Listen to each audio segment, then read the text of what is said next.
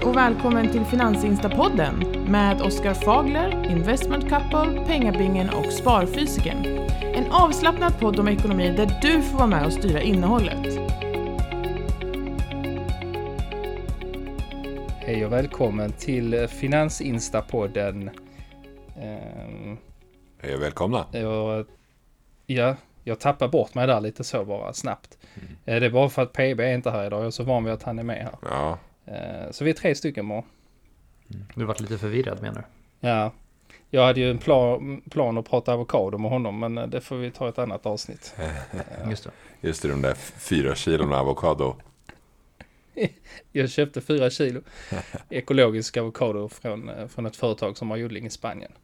Mm. Bästa fyra kilon av avokado jag har ätit i hela mitt Vänta, liv. direkt beställde du eller hur gjorde du? Ja, det är ett företag som, jag vet inte, de befinner sig i Sverige. Så har de en odling nere i Spanien. Eh, Så får de hit en lastbil lite då och då. Eh, Så skickar de hem det. Ätmo, fyra kilo ätmogna avokado. Har du hunnit 300 uh, käka någon avokado då? De är slut. Va? ja, ja. Fyra kilo Ja, avokado? Så jävla gott. Ja. Men hur mycket är 4 kilo? Vad väger en? 200 gram? De var, de var rätt stora, ja. Så det var rätt stora avokado. Det måste ju vara 20 stycken då. Ja, jag köpte, nu har jag blivit så här äh, knarkig på avokado så jag måste ha avokado hela tiden. Så jag köpte ett nät eh, på Lidl. Fan, de smakar skit om avokado när man har ätit riktigt bra avokado. Mm. Nu börjar bli bortskämd här. ja, ja. Ja, men jag åt ju sushi häromdagen och då, då finns det såna här, uh, jag vet inte vad de heter, Ja, men, men avokado med ris. Och Mm. ja, ibland är inte de där avokadorna så jäkla bra. Ibland är de väldigt hårda liksom. Ja. Det förstör ju hela mål, måltiden. billigaste. Mm. Nej, det är viktigt med bra avokado. Jag, jag förstår varför pengabingen hänger upp sig mycket på det där. Men eh, nog pratat om eh, mat idag. Vi kommer säkert in på det längre fram i avsnitt. Ja, det känns som att vi Eh. alltid faller tillbaka på det. Ja, Mm. jag vet inte om det är mitt fel eller vems fel det är egentligen, men ja. Ehm, vi, vi eh, tänkte, ehm, det här är ju årets andra avsnitt och det har hänt lite grejer eh, i Europa den senaste tiden, eller i världen. Eh, jag tänker främst på det här med, eh, får man lov att säga så här en podd, kukmätartävlingen mellan NATO och Ryssland, eller vad ska man kalla det? Ja, upprustningen i öst liksom. Ja, Ryssland har väl alltid, vill alltid flexa väl? Mm. Ja, det, det, det har ju liksom varit eh, med något års mellanrum så tycker jag det dyker upp grejer hela tiden. Eh, Mm. Men nu har det ju tagit spinn på något mm, lite så här halvläskig, mm. halvläskigt håll tycker jag. Senaste gången jag kommer ihåg någonting var ju det här handelskriget med Kina och så var det det här med techfrossan hösten 2018 och sådär. Sen har man väl haft så mycket annat Mm. att tänka på i och med pandemin och så. Eh, Så man har Mm. liksom inte orkat ja, tjafsa med varandra. Men nu verkar det segla upp igen. Ja. Det, det är ju liksom, jag vet inte, den, fan de håller på med. Ja. Och, och mitt i så, jag vet inte, nu har man ju läst mycket om, om svenska försvaret. De är på Gotland och lite så här. Och det, det skrämmer ju såklart många. Men hur gör alla andra länder? Jag har inte läst om något annat land att de eh, håller på liksom så här rusta upp. Ser, ser ingenting, läser ingenting. Aftonblaskan skriver ju bara om eh, Visby och Gotland tycker jag. Mm. Mm. Jag tänkte också på det där svenska försvaret. Är det ens något att, att komma med liksom? Om Ryssland skulle göra något. Vi har väl ingen chans ändå liksom. Vad Ja, har vi? Fyra Jag- pansarvagnar och inte. tio militär. precis. Det det, handl- det det handlar om är väl att eh, göra det smärtsamt. Att, alltså, det, ska, det handlar nog inte bara om att vem som har flest gubbar liksom. Mm. Utan det handlar om att göra det jobbigt för någon att eventuellt försöka Mm. göra ett försök att få dem att tänka både två eller tre Jag vet gånger inte, som det ser ut nu så flyger man runt med drönare kring regeringen och massa kärnkraftverk. Mm. Så jag vet inte hur mycket faktiskt motstånd vi gör. Ja, stora drönare var det också. Men det känns som att Ja, hade man försökt göra något sånt här i kanske USA eller så, då hade man blivit nedskjuten direkt. Då snackar om drönarna liksom. Här, här är det ju noll koll. Mm. Men jag har missat det där. Vadå, flög det drönare över något kärnkraftverk eller? Ja, och senast ikväll, det här är dagar innan poddavsnittet släpps då. Eh, det verkar ju ha flugit Ja. flera gånger och, och vid flera kärnkraftverk va? Ja, Och det är ryska då? drönare? Det vet vi inte. Nej, det, det vet man ju inte. Men det var stora drönare. Jag läste någonting om två meters vingspann på dem och det är ju liksom rejäla doningar. Ja, det är rejäla, verkligen. Så, så det är ju ingen, ingen small business liksom. Det är, men ja. Jag vet inte om det här bara sen kommer ebba ut och ligga och liksom så här. Det känns ju som att Väst och Ryssland kommer att fortsätta vara en nagel i varandras öga liksom. det har ju varit flera år. De har ju skickat någon ubåt och de har skickat någon, något fartyg och de har skickat något, vad var det, något flygplan som flög in i svensk luftrum och grejer. Det är väl något varje Mm. år med Ryssland känns det som. Mm. Ja. Bara för att markera lite grann, tänker jag. Mm. ja. Men frågan är varför. Jag vet inte liksom. Jag tror inte att det blir att man ska oroa sig. Om vi ska försöka koppla det här till ekonomin så... Mm, ehm, precis. jag tror inte man ska oroa sig så, på så sätt att det kan sänka börsen. Så att säga. Inte på kort sikt i alla fall och inte som det ser ut nu. Men, men det är klart att det är oroligt när det är politiska oroligheter. Och senast såg man ju det eh, med det här handelskriget med Kina till exempel. Eh, det Ja. vart ju en massa bolag som drabbades. Initialt så brukar det väl få, jag vet inte historiskt sett hur det sett ut längre bak i tiden, tiden med, vi tänker på de lite större krigen vi har haft i världen, men eh, det brukar väl få en dropp i början, in, sen så stabiliserar sig börsen efter ett tag kan jag tänka mig. Mm. Mm. Alltså ett långdraget krig. Vi har ju haft kriget i Afghanistan i 20 år, så att eh, jag menar. Jag läste någonstans att det kostar USA 2600 miljarder dollar eller något sånt. Va? Så mycket pengar? Ja. Det är helt galet. Men om man tänker liksom så här att eh, när, om vi nu, om det skulle bli krig, om vi bara säger om, Mm. eh, lite större krig, det behöver inte vara mellan Ryssland och, och, och NATO och sånt, det kan ju vara i Ukraina liksom, att det drar igång. Mm. Um, kommer det påverka vår ekonomi jättemycket? Alltså här i Sverige tänker jag. Jag tror inte det. Nej, Faktiskt. kanske inte. Ehm, det beror väl lite på. ehm, I så fall är det väl i så fall leveranskedjor och sådana grejer som kan påverkas. Eh, Leveranser. Ja. Men eh, nej, inte kanske direkt sådär. Alltså om det skulle bli krig då lär ju börsen dippa. Så är det ju. Så då påverkar ju ekonomin. Ja, jo så sett ja. Ja precis, men jag tänker på den, den vardagliga ekonomin så lär det nog inte hända så mycket. Det kan ju, Nej det påverkar. vi har ju en eh, hög inflation förvisso ju. Mm. Men eh, Men det lär ju inte kriget påverka så mycket. nej. Nej, det måste nog vara Nej, ett, ett storskaligt krig, krig för att det ska för att det ska påverka börsen nämnvärt så. Ja, då ska nog Europa dras in i det på, på ett eller annat sätt. Med, på det som det ska påverka. Och jag tänkte det du sa också med olika leveransvägar och sånt. Ukraina är väl inte sådär, det är väl inte jättemycket export från Ukraina kan jag tänka mig. Så. Nej, precis, precis. Lite tråkigt om det Mm. blir krig. Får hoppas att det inte blir det. Ja, absolut. Känns onödigt. Men ja, det är säkert många som är oroliga där ute. Vi har klarat oss nu i, jag vet inte hur många år Sverige har varit i fred. Men hur, Över 200 år. Precis, så hur tänker ni kring det här med kriser i allmänhet? Det behöver inte vara krig, det kan vara det här med elkris och bränslepriser som krisar och, och, och liksom, eh, ja, men att vädret är dåligt och det kommer en storm eller vad som helst. Hur tänker ni generellt kring att hantera kriser? Har ni några så här planer Allt- eller något sånt där? Ja, allting, nästan allting, eh, oavsett vad det är, om man blir allvarligt sjuk eller som du säger, det är elförsörjning eller det kommer en storm och whatever. Så kokar ändå ner till hur du har det ekonomiskt och hur du har laddat upp ekonomiskt. Och då menar jag inte rena pengar utan du kanske har sett till så att du har mat hemma och vatten och Mm. allting. eh. Men framförallt ändå så de flesta kriserna vi hamnar i kan man dämpa med pengar. Ja, Så är det ju. Ja, men så är det. Och det finns ju eh, ett stort, en stor poäng i att liksom kanske vilja ha sin egna gård eller ha besparingar eller kanske vara lite självförsörjande på vissa sätt. Många har ju sån- sånt här mål att, att själv kunna odla mat och sådär. Har ni, har ni tänkt på något sånt där? Hade ni velat ha det så? Mm, jag har ju, ett, eller vi i släkten har ju en sommarstuga. Där uppe har vi ju jordkällare och egen eh, brunn och allting. Så det är ju ganska, ganska bra ställe att fly till. Jaha, Då vet vi var vi ska åka. Vi hänger på dig Ja, när, tes, när Tesla kraschat. Ja, precis. Ja men det, det, det är intressant det där. Jag tror det är... eh, Jag har också sommarstuga med brunn och sånt där. Så att jag menar, Men jag tänkte på det där just, eh, just med brunnen. Där har man ju vatten då. Men jag tänker typ i Mm. Stockholm. Om det skulle hända något med, med dricksvattnet. Alltså då, Ja. det är ju en riktig katastrof. Mm. ja, Det går, man ju- köpa vatten. ja, och det kommer ju ta slut första dagen liksom. Folk bara bunkrar upp det liksom. Ja.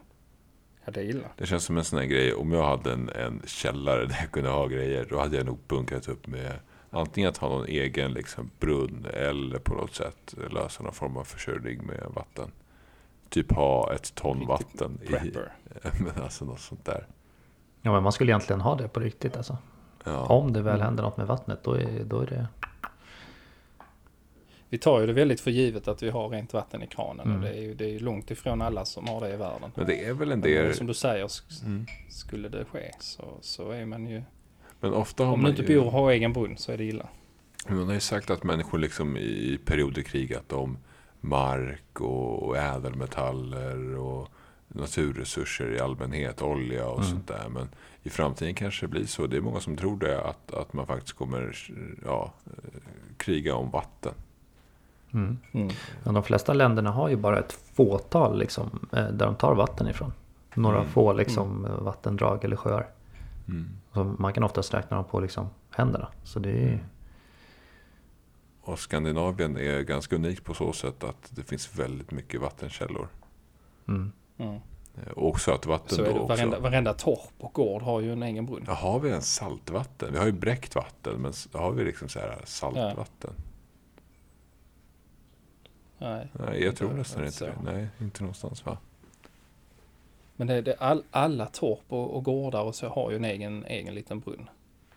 Vi har en, stu, en stuga som byggd på 40-talet. Det är ju liksom, den är inte ens, den var inte ens el eller någonting och inte isolerad. Men nog fan så gjorde, borrade de en brunn där liksom. Mm. Det känns lite som i Sverige, bara man borrar tillräckligt djupt så hittar man vatten. Ja. Ja, Ja, och det, det, är ju, det är ju bra för att vi har ju många vattenkällor. Så så sätt så jag tror inte vi skulle lida brist på vatten här i Sverige. Men det är ju då storstäderna mm. eh, som man kan råka ut. Men eh, för att knyta ihop det lite där så de flesta kriserna kan man, eh, har man bara sett till, sett till att ha en buffert återigen så är det faktiskt eh, mycket blod, svett och tårar man kan spara in på. precis. Så buffert på sitt ISK-konto och buffert med vatten. Ja, Ja, precis. och. Och fyra kilo avokado i källaren. Yes. Då klarar man sig länge. Eller i, i sparfysikerns fall i några dagar. Just det. Men vad är det de säger? Man ska klara sig två veckor eller något sånt utan att kunna köpa vatten och mat. Det är Nej. väl rekommendationen. Jaha, ja, du menar Det så? känns... Ja, jag tycker det känns jävligt lite. Mm. Jag hade velat klara mig i två år. Mm. Shit, två år. Ja men det finns ju de här, kul att följa sådana här preppers på internet och kolla sådana här videos på de här riktigt galna preppers. Ja. Vi kanske ska starta ett sånt där företag som bygger bunkrar så får folk eh, prenumerera för att kunna fly dit sen. Jaha. Ja, Men vad är det man ska ha för mat då som håller länge? Det måste ju vara något som, som man kan ha vakuumförpackat. Och Får kanske... köpa konserver eller något, håller i flera forever. Ja, men är konserver... konserver och torrvaror. Men då, konserver känns inte som så kaloririka. Man vill ju ha någonting som tar lite plats och är kaloririkt. Socker håller ju för ju evigt så det kan du ju ta lite av. Ja, Honung. ja typ um, Köpa honung av mig är dyrt. nötter och sånt då, möglar det? Ja det gör det. blir nog, fett kan ju bli skämt efter ett tag ju. Mm. Chokladkakor. Mörka, mörka Ja, alltså det, håll, det håller i några år och det är, konserver håller också länge men sen är det, finns ju mycket torrvaror också. Mm. Olika Ris och kexvarianter. Potatispulver. Härdat kex Ja. liksom. Men eh, så får man väl rotera det så att du får väl äta av det efterhand som du köper nytt. Ja. Det måste vara ett jävla jobb tänka om du ska ha mycket mat.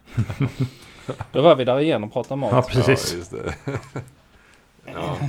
Nej men eh, nu, nu pratar vi lite mer, eh, lite mer ekonomi och makroekonomi. Eh, lite mer eh, re, realistiska scenarion. Eh, Mm, Just nu mm. så rapporterar man ju 4,1% i inflation i årstakt. För, eh, Mm. Eh, Det var väl för några dagar sedan eh, siffrorna släpptes här. Och i USA rapporterar man över Du- 7 procent. 4,1 det är dubbelt så mycket än vad målet var förra året. Mm. Mm. Rätt skadat. Och 7 procent i USA. Varför hör vi inte så mycket om, om detta, om den svenska inflationen? Jag tycker jag har knappt läst någonting om det. Är det en axelryckning på den eller vad, vad är det liksom? Alltså jag, vet, jag tror bara att man, man, eh, man mäter det med så jäkla trubbiga mått och att man rapporterar på så konstigt sätt så att det liksom eh, man förvillas att tro att inflationen är mindre än vad den är. Det är min personliga åsikt. Ja. Eh, Men eh, jag, alltså det har inte undgått mig att när jag går ut på eh, och ska käka ute eller ta en bärs ute eller vad det nu kan vara så är allt mycket dyrare. Det Mm. är ju verkligen det. Det var länge Men jag det, kunde en, äta en dagens lunch för en hundring. kan det här vara en coronaeffekt att vi har högre inflation eller vad tror du? Eh, jag, jag tror att det har mycket att göra eh, till att man har tryckt så mycket pengar de senaste två åren. Eh, mer, Mm. mer pengar i omlopp helt enkelt. Eh, och sen Ja. så då att folk har lagt pengar på olika saker än tidigare. Eller på andra saker än tidigare. Ja. Och då har ju vissa, eh, en viss grupp människor betydligt mer pengar än tidigare att lägga på typ konsumtion och liknande. Det Mm. driver upp till eh, priserna på många saker. Typ bilar, begagnade bilar, eh, klockor, väskor, eh, finare krogbesök och liknande. Mm. Mm. Det tror jag. Jag har alltid tänkt att just länder, att de har så jävla stora skulder. Att det var, jag fattar inte hur de kan vara så dumma och låna på sig så mycket. Men det är egentligen ett genidrag ju. Ja, Det är ju bäst, störst skuld är ju bäst. ja. De printar ju bara nya pengar och sen så sjunker skulden i inflationen liksom. ja, precis. Ja. Tänk liksom att eh, Tänk att ha en skuld på, nu drar jag bara siffror ur tomma intet, på 50 biljoner dollar liksom. Mm. Eh, och Mm. Idag. Och sen så tittar man tillbaks på de här 50 biljoner dollarna om 20 år. Då känns det som dagens 10 biljoner dollar bara. Mm. Kanske. Så att det blir liksom, eh, ja, det- betalar av sig självt lite grann bara för att man trycker en massa nya pengar. Mm. Ja, det är sjukt. Mm. Intressant det där med inflationen. Den är där och, och folk, eh, folk är medvetna om den och pratar väldigt ofta om den för alla säger att det var så billigt förr och mjölken har blivit så dyr. Mm. Så folk pratar ju ofta om det men jag undrar ofta folk sätter sig ner och verkligen tänker igenom vad det innebär. Mm. Men jag märker lite att arbetskollegor har, har pratat i de banorna. Många var ju missnöjda med sina löneförhöjningar och vissa fick ju till och med uteblivna löneförhöjningar förra året. Ja, Eh, och då, då var det ju då var det lite surt för vissa. Eh, I och med att man pratade en del ändå om inflationen och att den var ganska hög. mm, Så många insåg ju liksom att de blev ju i praktiken fattigare. ja. Och det är ju tråkigt att veta. Det har varit intressant att veta hur mycket fattigare man blir per år jämfört med Alltså från, nu, nu tänker jag om man får räkna med sina, hur, hur det ser ut på ens utgifter och sånt här liksom. Mm. Vad är medelökningen på en lön? Är det 2 2,5 procent per år? Ja, det måste vara något sånt. Ja. 2-3 Tror det procent känns väl lagom. Kan säkert vara lägre alltså. Mm. Ja. Det känns som att 30 000 har varit medellön ganska länge nu. Ja. Ja precis, det har känts rätt normalt liksom. Ja. Du du vet, fortfarande idag när man säger att om en, jag tjänar 30 000 eller den här personen tjänar 30 000. eh, Så säger folk oj, det är en bra lön. Men när man tittar på siffrorna så är det faktiskt undermedel. Mm. Ja. Eh, Vad ligger medel på då? 35? Mm, det är något sånt. 33, 5 eller något sånt där. Och då- 35. Ja. Men då inser man ju lite hur den här eh, mentaliteten hos folk släpar lite grann. Man lever fortfarande kvar i det här Mm. att 30 000 är jättemycket pengar. Eh, när det egentligen numera är lägre än medellön. Eh, Ja. Så det, lever lite kvar det här att man har missat att eh, eh, pengar har tappat lite grann i värde faktiskt. Mm. Mm. Intressant. Men CSN-lånet däremot är 0% ränta på nu såg jag. Helt galet faktiskt. Var det helt, vadå noll helt? Vi tagit bort Ja. Japp. Jajamän. What? Ja, det är helt galet. Jag loggade in, fick mitt årsbesked, så loggade jag in och så bara kolla räntan. Och så just det, den är noll. Men vadå, eh, hur länge är det noll då? eh, det här året. Mm. Eh. Och förra året var det 0,06. Året dessförinnan var det typ så här 0,2 eller något sånt där. Undrar om jag ska ta en kurs och investera allt. Ja. ja. Det kan man göra. Nej, men alltså, säg att man har full CSN-lån på typ 350-400 000. Eh, de pengarna kan man ju få växa ganska bra bara i en vanlig indexfond. Eh, Mm. Det blir ju, om man, om man vill tänka så, så går det ju att utnyttja det. Många pratar ju om Ja. att det används ofta till kontantinsats i en lägenhet. Och det är en populär grej. Mm. Eh, För många behöver ju inte Why det not, liksom? Ja, men precis som man jobbar vid sidan av studierna så kanske man inte behöver alla pengarna. Men då ska jag ta en liten kurs sen vid nästa börskrasch. Ja, Och sen Mm. maxa in det. Läsa något spännande. Mm. du får läsa om börskrascher. Ja, precis. Och om du hade, om du hade pluggat uh, Oskar, vad hade du så du känner att Ja. det, här, det här hade jag kunnat läsa? Det är en rolig fråga. i. Det här hade varit kul. Är du så här liksom så statsvetenskap eller historia eller Ja. fysik eller engelska? Det grejen Om, är att jag om har du ju... fick välja en kort utbildning på två, tre år och sen en längre på typ fem, sex år. Vad hade du valt respektive? Nej men det är det som är grejen. Jag har verkligen inte... Jag känner liksom inte att för att plugga någonting och det är därför jag inte har gjort det egentligen. Eh, Mm. dels för att plugga är så jävla tråkigt. Men sen också för att jag har liksom inget speciellt jag vill plugga. Mm. Nej. Ehm, så jag vet faktiskt inte vad jag skulle välja i sånt fall. Nej. Det, är- du vet, det är helt okej Oskar. Det är helt okej. Måste jag bestämma mig nu? Sitter och studievägledaren i nian. Vilken, vilken, vilket gymnasium ska du gå? Vilken inriktning? Jag vet inte. Ja. Nej men Och det, det är inget man måste. Det, det, det är väldigt fokuserat idag på att man ska veta vad man ska göra och vad man vill göra. Men, men vad fan, man kanske inte måste allting hela tiden. Ibland kanske man bara ska go with the flow liksom.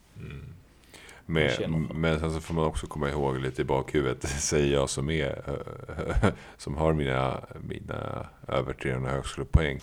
eh, Att det är ganska Oj, svårt oj, oj. att få ett bra jobb eh, om inte man har något att visa på pappret så att säga.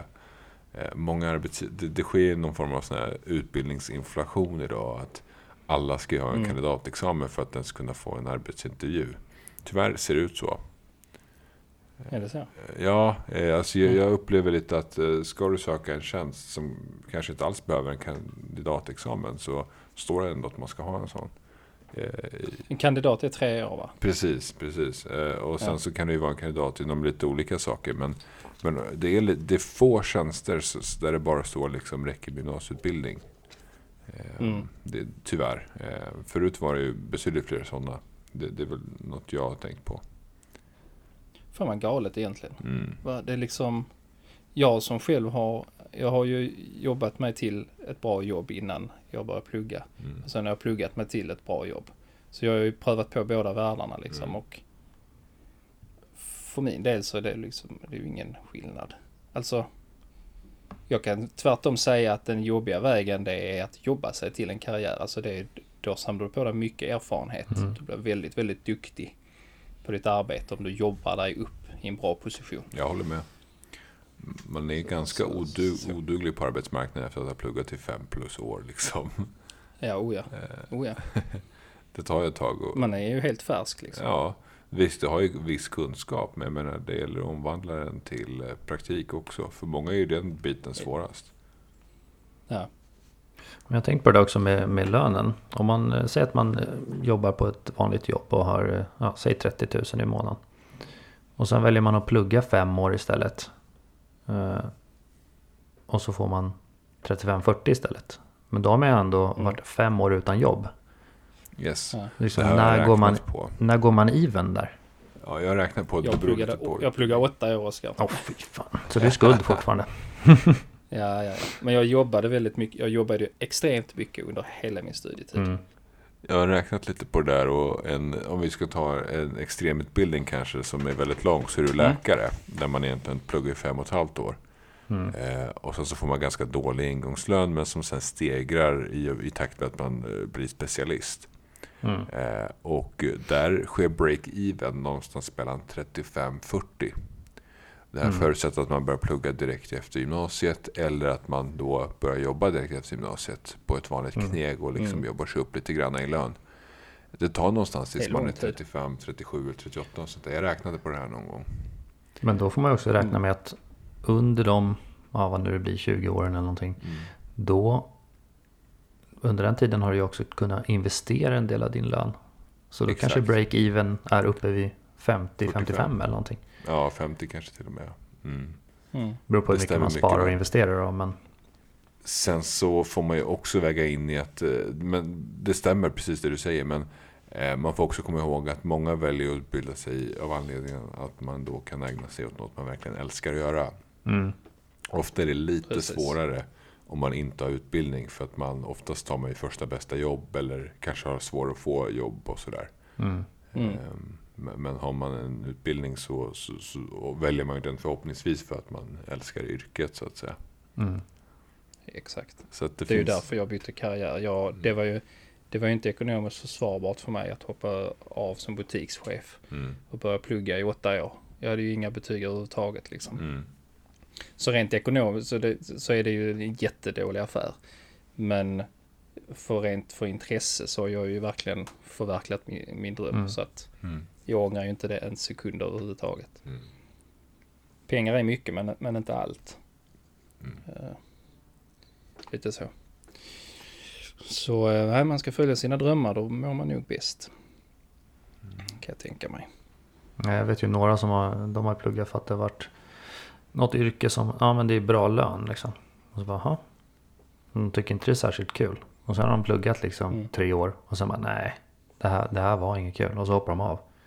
Och så bara, Mm. då är det liksom tre år i sjön. Jaha. Ja. Det är lite surt. Och har man då tagit CSN och så också så har du ju en skuld Mm. där förmodligen. Ja, det, och det är väl det som är det svåra också idag för dagens, dagens ungdomar. Jag hade ju ändå kommit en bra bit in i mitt, mitt liv. Jag var ju 33 när jag började plugga. Mm. Så jag hade ju hunnit känna efter och hunnit, hunnit ha jobbångest i några Mm. år och sådär liksom. Så att då var det ett självklart val. Mm. Men eh, är det där kring... Hur gammal är man när man går ut gymnasiet? 18, 19? Mm, något sånt. 19 ja. Mm. Man är ju inte torr bakom öronen. Du är ju liksom... Nu förnärmar du några lyssnare. Nej men det, det jag säger ju om mig själv också. Jag var ju inte i närheten. eh, Nej, så är det. Jag var en riktig slyngel när jag var 18, 19. Jo, men det var nog de flesta av oss. Ja. Nej men då, då är du liksom eh, att begära va, att du ska veta vad du ska göra i 40 år. Det är inte lätt alltså. Mm. Det inga lätta beslut. Mm. Så att det är, ja. Nu är mycket ångest där. Men ja, i alla fall. Nej, så Oskar, du vet inte alls om du hade ingen sån här strökurs. Du liksom så här, det här hade varit intressant att läsa. Nej, jag har inga Ja, sånt. det här- Nu efter, alltså nu när jag har hållit på med börsen så mycket hade det kanske varit intressant att och liksom något inom ekonomi eller börs liksom. Något sånt. Mm. Men mm, jag vet inte alltså. Det Oskar, finns ju mycket schyssta onlinekurser. Mm. Oskar skulle Så- valt eh, Börs High 30 HP.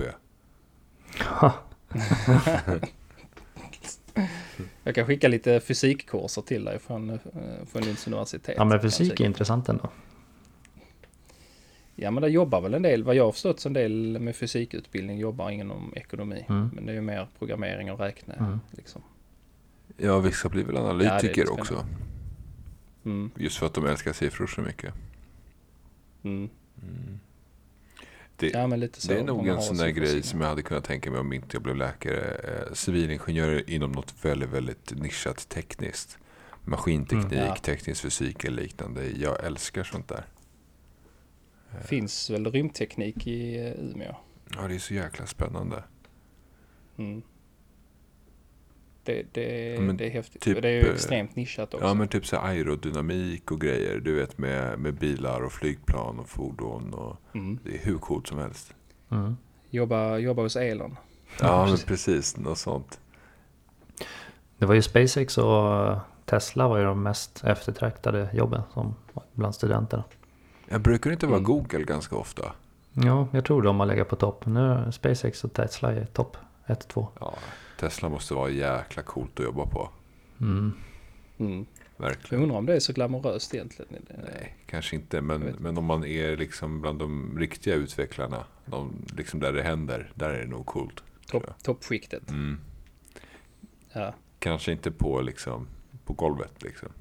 Och på tal om det, jag tror faktiskt eh, av det, jag läste lite att alla Tesla-anställda ska, de har rätt till att köpa aktier och, och få det i en del av lön och sådär. Mhm. Eh, och därför tror jag att det faktiskt kan komma en till split snart. För det blir väldigt svårt för anställda att köpa liksom när den kostar ja, 1000 dollar plus. Mhm. Så jag tror det är därför också att han splittade den när den var uppe på, vad var den sist, 1 och 5 eller någonting sånt där. Eh, för det blir krångligt med lönerna när den liksom är så stor. Så, Mm. Jobbar en hel månad för en Tesla-aktie nästan. ja, precis. Och så man kan välja att ta en del av lönen i aktier och sådär. Och då blir det ju liksom, ja, ta hela lönen då. Nej, men, Ja, just det. så, Fan vad coolt ändå. så, Så står det på din lönespace liksom sådär då. mm, Lön och sen så står det då avdrag för... Tesla stonk. Tesla-stonk. Nej, Men alltså, men jag, jag, jag tror inte den kommer gå över 2000 dollar. Det kommer vara split flera gånger om. Om den nu Så- stiger liksom. Mm. då når den ju aldrig 2000. Nej. den bara splittas, splittas, splittas. Ja. Jag- det, det, kan ja. bli, eh, det kan bli... eh, Jag, jag satt och läste någon av de här artiklarna eh, om de mest köpta aktierna eh, Mm. på Avanza. Och då var det ju Tesla i topp. Mm. Eh, Man kan ju bara föreställa sig att siffrorna ser väldigt liknande ut i många andra länder i Europa. Eh, Det lär ju bli ett rejält drag om det splittas när en aktie nu ska kosta bara några tusenlappar igen. Mm. Ja. Det, det, ja, det är läskigt att tänka på. Ja, det är det jag inte fattar. Varför splittar inte Alphabet och Amazon? Och de skulle ju få så mycket mer ägare och tryck i sin aktie liksom. Mm. Skulle gynna bolaget. Ja, Mm. ägarspridningen blir ju högre. Ja. Mm. Och Ehm, tänk dig hur många som vill köpa Amazon liksom, som inte kan det. Tänk om de splittar den så att den kostar 300 dollar istället. mm, Istället för 3000 liksom. precis. Eh, Mm. Jag tänkte, nu pratar vi en massa bolag. Eh, jag tänkte presentera sponsorn för avsnittet. Eh, det har vi pratat Mm. om en gång tidigare, men eh, det handlar om aktier. AXYER, det är ett nytt forum där man kan diskutera Mm. aktier och man kan följa bolag som man är intresserad av och man kan ta del av insynshandel och man kan göra ganska mycket i appen. Tanken med appen är ju att bli av med all, all onödig aktiehype i sociala medier. Det har blivit mycket skriverier om Mm. det där och, och det har varit mycket, mycket eh, fishy business så att säga. Hela tanken med aktier är att man ska kunna identifiera sig med BankID och man ska kunna ha mer seriösa diskussioner. Eh, Mm. Och vi använder ju själva appen. Jag vet att ni också gör det va? Mm. Mm. Mm. Finns både till, eh, på Google Play och App Store att ladda ner Mm. Och faktiskt. AXYER, den eh, drog igång där i julas. Eh, För mindre än en månad sedan har redan över 16 000 medlemmar. Så att det är rejält Ja. tryck i den verkligen. Mm. Häftigt. Ja, eh, och, Ja, insiderhandeln är ju guld alltså. Så Mm. När man följer bolagen så får man upp när någon köper insiderhandel. Den har ju varit dålig på att Mm. följa det i andra appar och sådär. Men här får du ju en notis så fort någon köper eller säljer något. Och Mm. det, Så att- men det är riktigt bra alltså. Är man intresserad av det så är det ju riktigt bra. Du kan eh, skapa dina egna listor, följa dina egna bolag och, och ha din egna profil där och, och liksom ehm, ja, men kika på vem det är som skriver kommentarerna och se hur seriösa är de och vad har de för rykte och lite sånt där. Det, det, är lite, det blir lite som, en, som ett helt community ehm, Mm. fast för aktier. Mm. Sociala medier för aktier på, på ett seriöst sätt. Mm, otroligt eh, bra faktiskt. Mm. Mm. Mm. Ja, men det är ett tips att gå in och, och eh, ladda ner den appen. Mm. Och hittar man inte med stavningen och sådär så finns den i våra höjdpunkter. Finns i mina i alla fall. Eh, Eller i våra på Mm. Investment Couple. Så att det är bara att klicka in och så hittar man eh, via vår sida. Mm. Mm. Häftigt. vad... Jag, jag satt och funderade på det här med NFTs. Och vi, vi, vi har ju tangerat den, den grejen eh, vid några avsnitt men aldrig riktigt vågat ge oss in i det just för att vi inte har koll på det. Mm. Eh, Lite så. ja, och nu har vi faktiskt köpt både vår andra och vår tredje NFT. Eh, och vi vågar fortfarande säga att vi inte har koll på det. Jag har inte köpt fler. Jag håller mig till mina spin, Spindelmannen och Ja, eh, Fantastic Four och eh, vad heter han? Daredevil. men det Mm. är comics du har då eller? Mm, Ja. ja. Vi är med. Samma. Det, det, det är lite kul. Eh, det är rätt sjukt egentligen Helt galet. faktiskt. Och jag vet, Alltså, alltså gre- grejen i sig att en digital tidning är inget konstigt i sig. Mm. Alltså just den biten är ju, den är inte ny, det har ju funnits jättelänge. Men just att de ger ut det så här i ett begränsat antal utgåvor, varje utgåva är numrerad. Eller varje, mm, varje tidning är numrerad så att säga. mm. Det är det som gör grejen. Det, det är lite coolt och det förstår jag. Men vissa köper ju seriefigurer för en miljon kronor. Och, Ja, det är så. och, och, då, och då tappar jag hakan bara. Ja, det är en liten animerad gubbe liksom. Så bara 1 250 000. Det är helt galet. Och, och, och sen så finns det ju folk som skojar i sociala medier. Det tycker jag är ganska kul. Jag, kolla, jag har också den här seriefiguren. Jag har printscreenat den. Kolla, här är min JPEG. Mm. Eh, eh, det, det, är, det är faktiskt ganska galet. Svårt att förstå. Men det kan Ja. mycket väl vara framtiden. Det, är så här, det, det här är ju framtiden. De som äger mycket nu kommer bli otroligt rika. Eller så är det största floppen. Mm. Det är ju allt eller inget känns det som. Ja, eh, Ja, lite Det finns ingen mellanläge. nu- Men jag klickade in på Fröken Investera. Hon är helt fantastisk för att hon är alltid liksom med på det nya. Ja, faktiskt. stenkoll på liksom så här Mm. krypto, NFTs. Eh, Hon, hon, hon har liksom Jäkligt påläst. ja, otroligt påläst. Eh, och bollar av stål.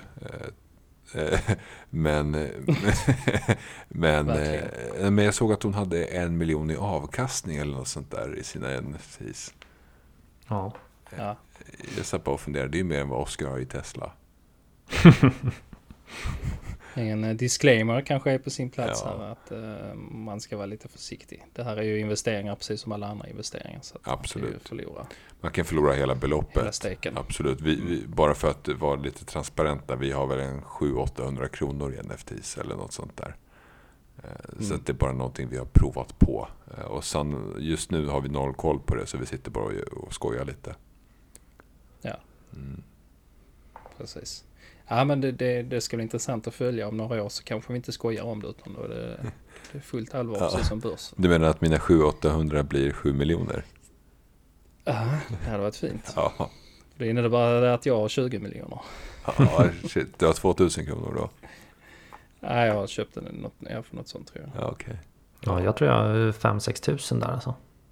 Ja, d- då, det, det är inte så här, några hisnande summor för någon av oss. Det är ju kanske en promille av våra förmögenheter. Men, men eh, ändå, det, det visar ändå på att vi, vi tycker det är lite spännande men vi förstår inte det riktigt än. Ja, nej men jag, jag tror att det snart är dags för ett eget avsnitt tillägnat det här lite mer Mm. ingående faktiskt. Jag måste ta in en F- NFT Pro. Ja, det känns som det. Tycker jag också. Jag tror vi alla behöver det. Och det jag tycker det är intressant. Jag blir mer och mer intresserad av det. Mm, Jag är lite nyfiken på det. verkligen. Mm. Nej men, um, ska vi runda av där för idag? Det kan vi göra. Ja, Eh, bra snack som vanligt. Ja. Det blir lugnt och behagligt här nu utan en uppstirrad pengavinge. Ja, kommer in med sin statistik och historik hela tiden. Ja. Ja. Sak, saknar honom lite faktiskt. Det är lite tomt utan honom. Han, kan, Ja. Ni han kanske har suttit och lyssnat här hela tiden. Han Ja, kanske är i rummet. Han är här i bakgrunden. Mm. Det är nu han ger Jag sig till känna. Ja, jag är här. Ja, Jag precis. här hela tiden. Jag har försökt säga saker hela tiden. Men IC pratar över mig. Ja, precis. Mm. Ibland är det lite roligt. Man hör eh, när jag sitter och klipper efteråt så hör man Oskar ibland försöker få, få en talan och så bara antingen jag eller IC pratar ner honom. Jag tänkte, Man ser liksom på den här, ja lite så. Man ser på ljud, ljudfilen liksom så här, det är ett litet hopp på din ljudfil att du försöker säga någonting. Och så är det bara vår massiva ljudfil som bara talar Ja, över precis. allting. Ja, och sitter här och skakar på det- det- huvudet.